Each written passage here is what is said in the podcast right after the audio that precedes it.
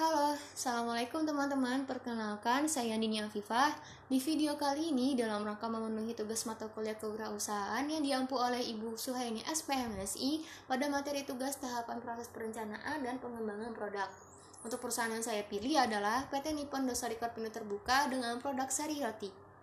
Apa saja sih tahapan proses perencanaan dan pengembangan produk yang ada pada sari roti ini?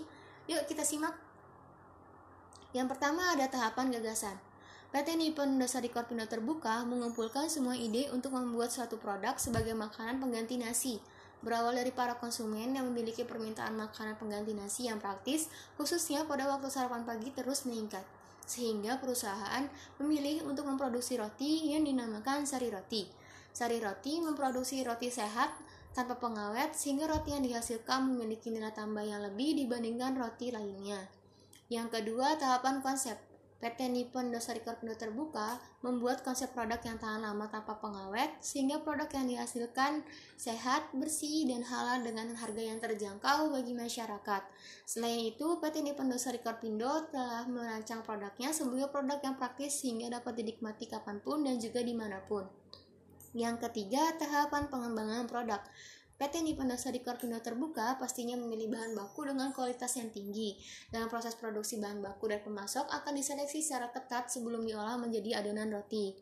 Bahan baku yang diterima selanjutnya disimpan di gudang sesuai dengan persyaratan standar penyimpanan masing-masing bahan baku agar kualitasnya tetap terjaga.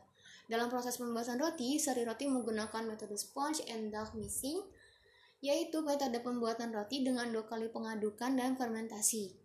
Metode ini memiliki kekurangan yakni memerlukan waktu yang lebih lama, namun kelebihannya adalah dapat memberikan roti dengan kualitas yang terbaik, baik dari segi tekstur, kelembutan, aroma, dan rasa dari roti yang dihasilkan. Yang keempat, tahapan uji pemasaran. Sari Roti melakukan sistem distribusi dengan enam kali waktu pengiriman dalam satu hari, di mana lokasi area pengiriman terjauh berada pada urutan pertama dan lokasi area pengiriman terdekat berada pada urutan terakhir. Hal ini bertujuan memaksimalkan waktu simpan agar pada tanggal kadaluarsanya produk roti tidak sampai ke tangan konsumen.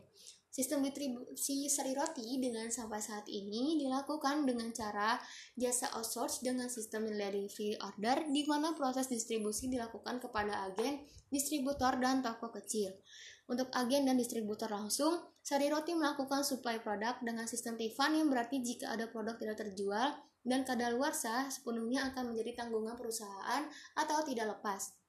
Sedangkan bagi toko kecil menggunakan sistem lepas yang artinya jika produk tidak habis terjual dan kadaluarsa akan sepenuhnya menjadi tanggungan toko. Namun saat melakukan pembelian produk, penjual toko akan mendapat diskon yang jauh lebih besar dari perusahaan.